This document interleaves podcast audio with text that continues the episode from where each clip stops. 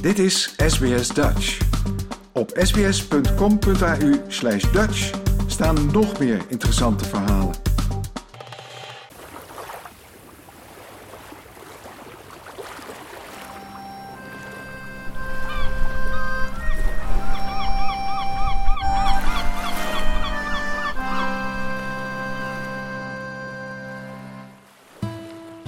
Dit is Aan Boord, de serie die je meeneemt op de eerste reizen van de VOC naar Australië. Reizen naar het onbekende continent vol avontuur, chaos en vindingrijkheid. Deze podcast is gemaakt voor SBS Dutch door Nina van Hattem en door mij, Frank Turkenburg. Elke aflevering nemen wij je samen met een expert mee aan boord bij een ander schip. Dit is aflevering 2, de erfenis van de Eendracht. Een verhaal over een omweg, ontdekking en een tinnen schotel.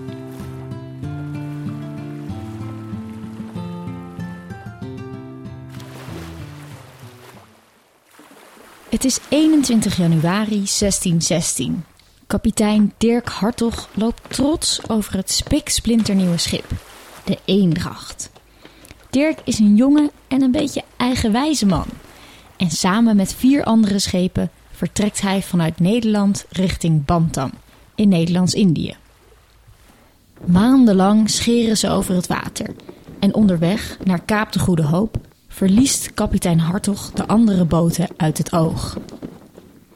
En daar, bij Kaap de Goede Hoop, moet hij de bocht om. En hij kiest als enige voor de zuidelijke route. De vier andere schepen hebben de noordelijke route gekozen. Twee maanden lang varen ze op open zee. Onderweg zijn al 16 mannen doodgegaan door scheurbuik. En dan, op een dag, verandert de ruige zee langzaam in onvoorspelbaar en ondiep water. De zee is azuurblauw en ze zien walvissen.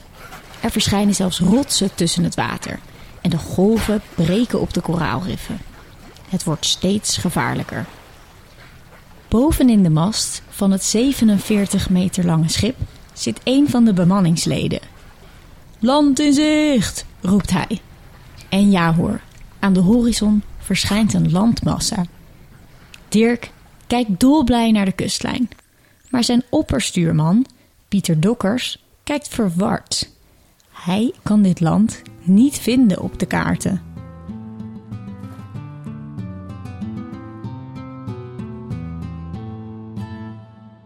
Het is 25 oktober 1616 als Dirk Hartog en zijn bemanning aankomen bij een eiland. Zonder dat ze het weten zijn ze de eerste Europeanen die de westkust van Australië hebben bereikt. Ze noemen het onontdekte land naar hun schip, Eendrachtsland. Hoe kwamen zij hier terecht? En wat doe je als kapitein als je in een onontdekt gebied komt? Om daarachter te komen ga ik langs bij Tamar Davidovic. We staan nu bij het ateliergebouw van het Rijksmuseum, midden van Amsterdam. En we gaan op bezoek bij Tamar Davidovic. Zij is onderzoeker en restaurateur. En zij kan ons alles vertellen over Dirk Hartog en de Eendracht.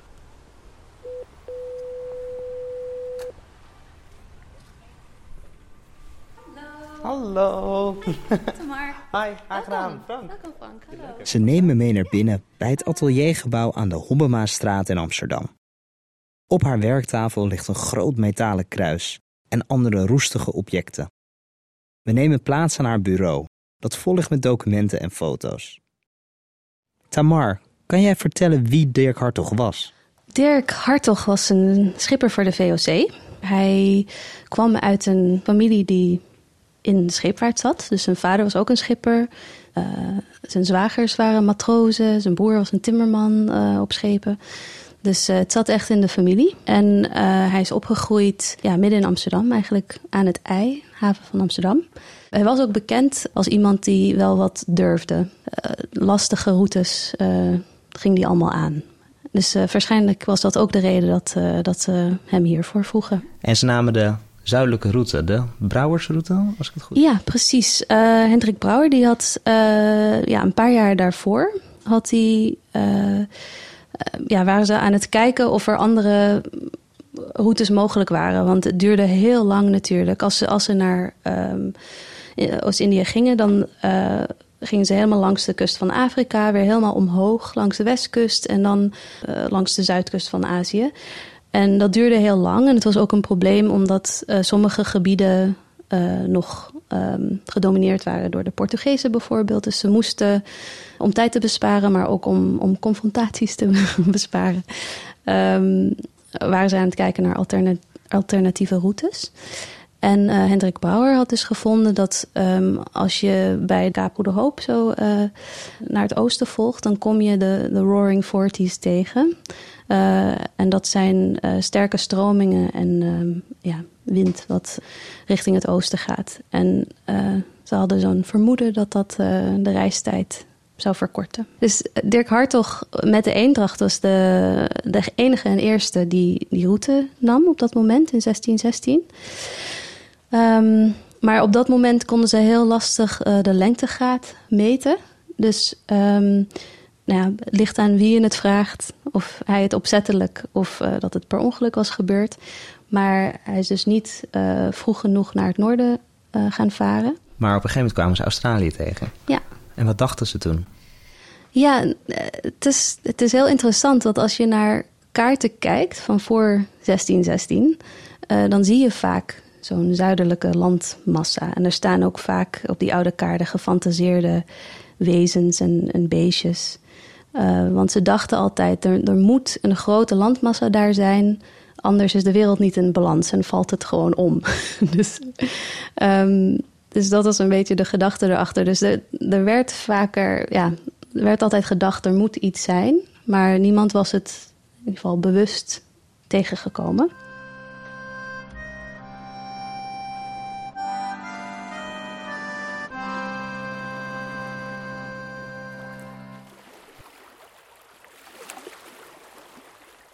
De verkenners bekijken de omgeving, maar zien geen enkel teken van leven. Op het meest noordelijke puntje van het eiland gooien ze het anker uit. En met de sloep vertrekken twee mannen naar het eiland.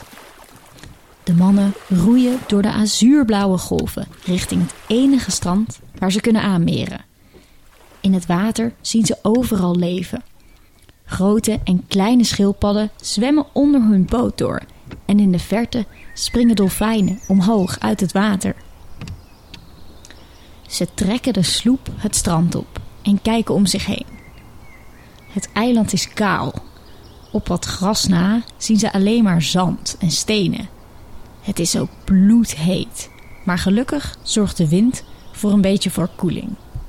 Ze besluiten naar het hoogste punt op het eiland te klimmen ze lopen over de stenen via een steeds steiler wordende helling naar boven. En achter zich zien ze de eendracht in de baai steeds kleiner worden. Het zweet druipt van hun voorhoofden. En ze klimmen verder en verder en na een lange tocht bereiken ze de top. De mannen gaan vermoeid zitten, drinken hun laatste water en kijken uit over het eiland, de baai en de eendracht.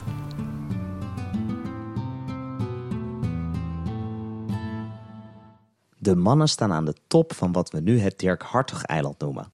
Het meest westelijke eiland van Australië. Wat voor plek troffen de Nederlanders hier aan? Uh, nou, het is een prachtig eiland, uh, maar wel heel kaal. Als ik me niet vergis, iets van 70 kilometer van de kust verwijderd. Dus langwerpig, uh, van noorden naar het zuiden. En ja, er groeit wat gras. Het is vooral kalksteen.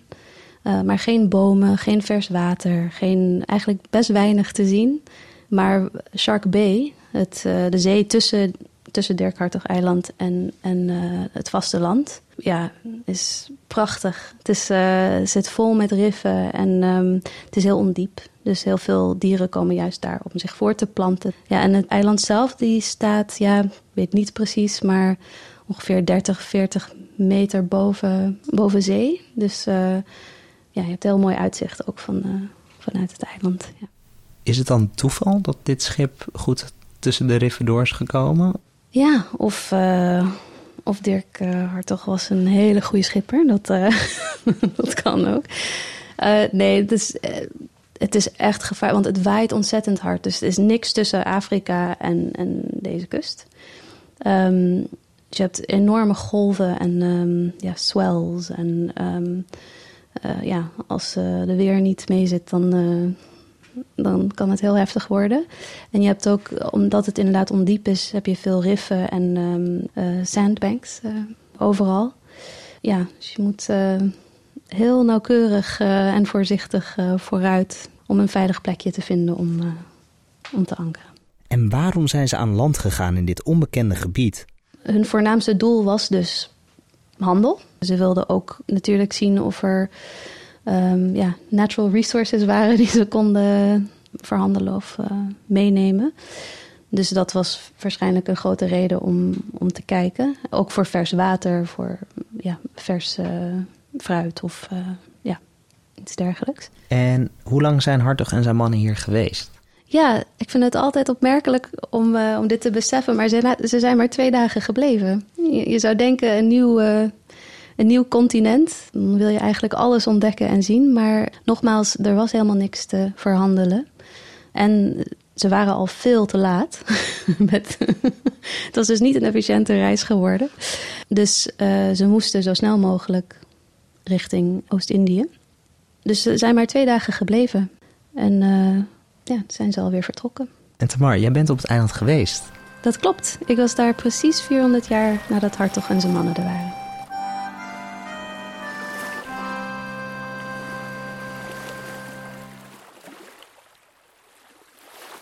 Kapitein Hartog besluit om door te varen naar het noorden. Maar voordat ze vertrekken, beveelt hij de mannen op zoek te gaan op het schip. Hij wil iets achterlaten op het eiland.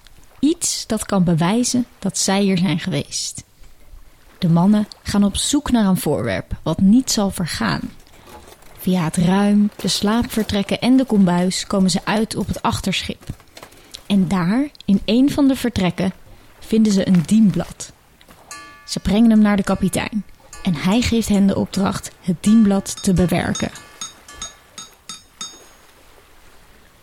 De mannen roeien terug naar het eiland klimmen weer naar boven en bovenop de hoogste piek slaan ze een paal in de grond. Ze bevestigen de tinnen schotel met spijkers aan de paal. Vanaf de hele baai kan je de schotel zien schitteren in het zonlicht. De mannen gaan terug naar de eendracht, lichten het anker en volgen de kust van dit nieuw ontdekte land naar het noorden, naar Bantam.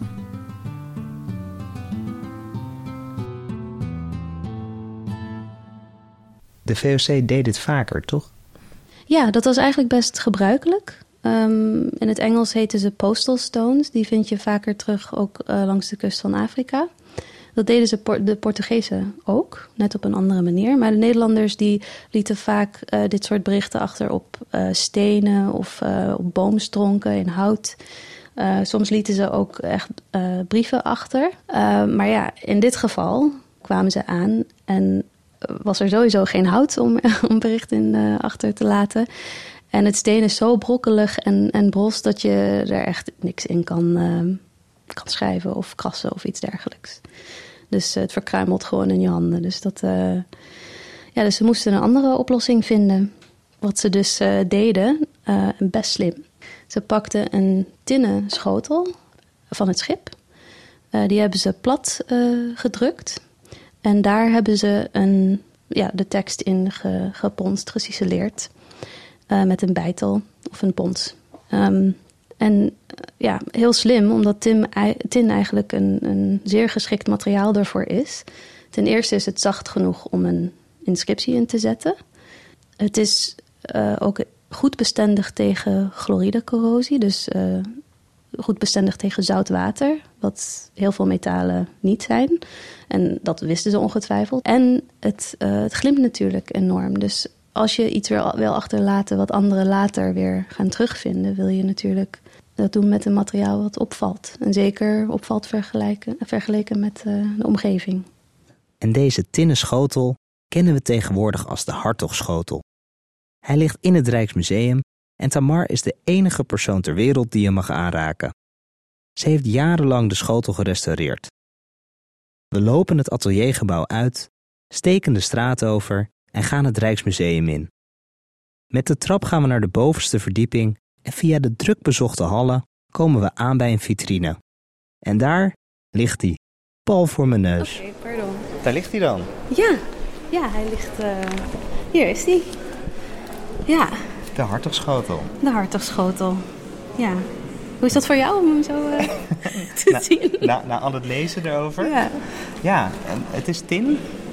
Maar het, Ja. li- het lijkt ook wel bijna een soort ja, klei. Ja, inderdaad. Dat gebeurt met tin. Het is eigenlijk altijd tin... Ja, zo refereren we ernaar in het Nederlands. En tin is wel de, de grootste, ja, eh, grootste onderdeel. Maar het is altijd gelegeerd met lood en met koper. En die eh, corroderen allemaal anders. Eh, dus vandaar dat je zo'n Verschillende Ja. oppervlakte. Precies, precies. En, en tin oxideert Ja. vooral, dus die reageert vooral met eh, zuurstof. En dan krijgen die delam- delaminerende lagen. En dat is ja, wat je nu eigenlijk voornamelijk ziet. En je ziet ook nog een soort eh, kringlopen in het midden. Is dat waar het oude dienblad was? Ja, dus dat is eh, de binnenrand van Ja. het, ja, van het Schotel, bord. Schotel, inderdaad. Dus het was best een ondiep, ondiepe schotel. Ehm, maar dat is inderdaad de plek waar die net iets eh, verhoogd was. Of waar dat begon, zeg maar, die rand. En wat staat er precies op? Een sec bericht. Er staat een, eh, de datum op. Datum dat die eh, is achtergelaten. En dan de, mm, ja, met de belangrijkste namen van de, ja, van de leden van het schip. Dus de stuurman, de opperkoopman, de schipper, Dirk Hartog, waar het Ja. dus naar vernoemd is. Ehm, en eh, de datum dat ze aan zijn gekomen en waar ze uiteindelijk naartoe gingen. Eh, en iets lager staat, staan ook een paar andere eh, bemanningsleden, de namen daarvan. Dat, dat is het eigenlijk.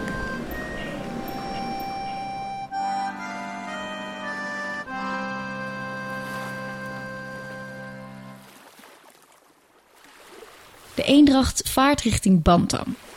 De voorraden zijn bijna op, dus kapitein Hartog besluit te stoppen in Sulawesi. Daar kunnen ze de boel bijvullen voordat ze het laatste stukje van de tocht maken. Maar bij de eerste stap aan land worden ze aangevallen door de lokale bevolking. 16 bemanningsleden worden gedood en ze vluchten noodgedwongen terug naar het schip. Kapitein Hartog maakt zich zorgen. Hoe komen ze in Bantam zonder voorraad?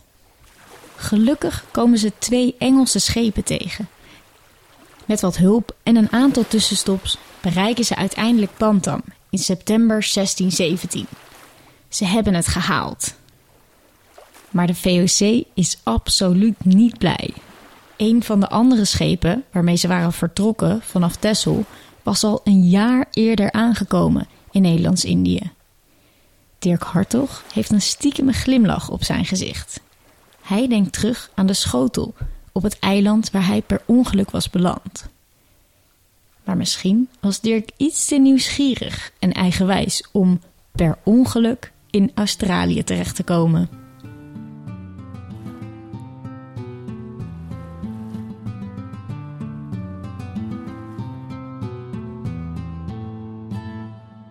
En hoe is de schotel hier terechtgekomen? Ja, dat is eh, eh, 81 jaar later, dus in 1697, is Willem de Vlaming, een andere schipper voor de VOC, eh, naar West-Australië gegaan. Hij had eigenlijk twee doelen. Eén was om te kijken of iemand. eh, er was een andere schip vergaan en ze wilden kijken of er ja, eh, iemand het overleefd had. Dat was één van de doelen. En het andere doel was om eindelijk een goede eh, inventarisatie, om een goede kaart te maken van West-Australië. Nou, dat heeft hij gedaan. En eh, tijdens die reis heeft hij, eh, ja, heeft hij de schotel gevonden. Waanzinnig toch dat bijna 100 jaar later weer zo'n object wordt teruggevonden. Wat nog meer bijzonder is, is dat het al gevallen was van die paal. Dus ehm, het- toen ze hem terugvonden, lag hij nog daarnaast. En wat betekent deze schotel voor de Australiërs? Ja, dat kan ik moeilijk voor Australiërs invullen, maar ehm, het was heel bijzonder om daarheen te gaan. In Nederland weten zeer weinig mensen hiervan af.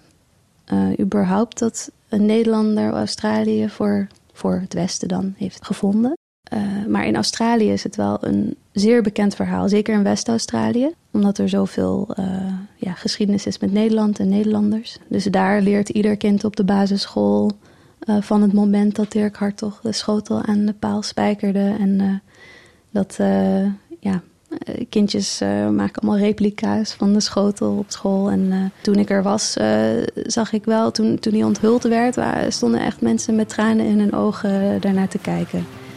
Dus ja, het was wel heel bijzonder om te zien. Dirk Hartog is na zijn reis uit dienst gegaan van de VOC en overlijdt vier jaar later in Amsterdam. Maar zijn herinnering blijft voortleven door de naar hem vernoemde Hartogschotel. Te bewonderen in het Rijksmuseum in Amsterdam. Dit was Aan Boord, een serie van SBS Dutch. Gemaakt door mij, Frank Turkenburg en Nina van Hatten. Met dank aan Tamar Davidowits. Volgende keer hoor je aflevering 3. De vrouwen van de Batavia.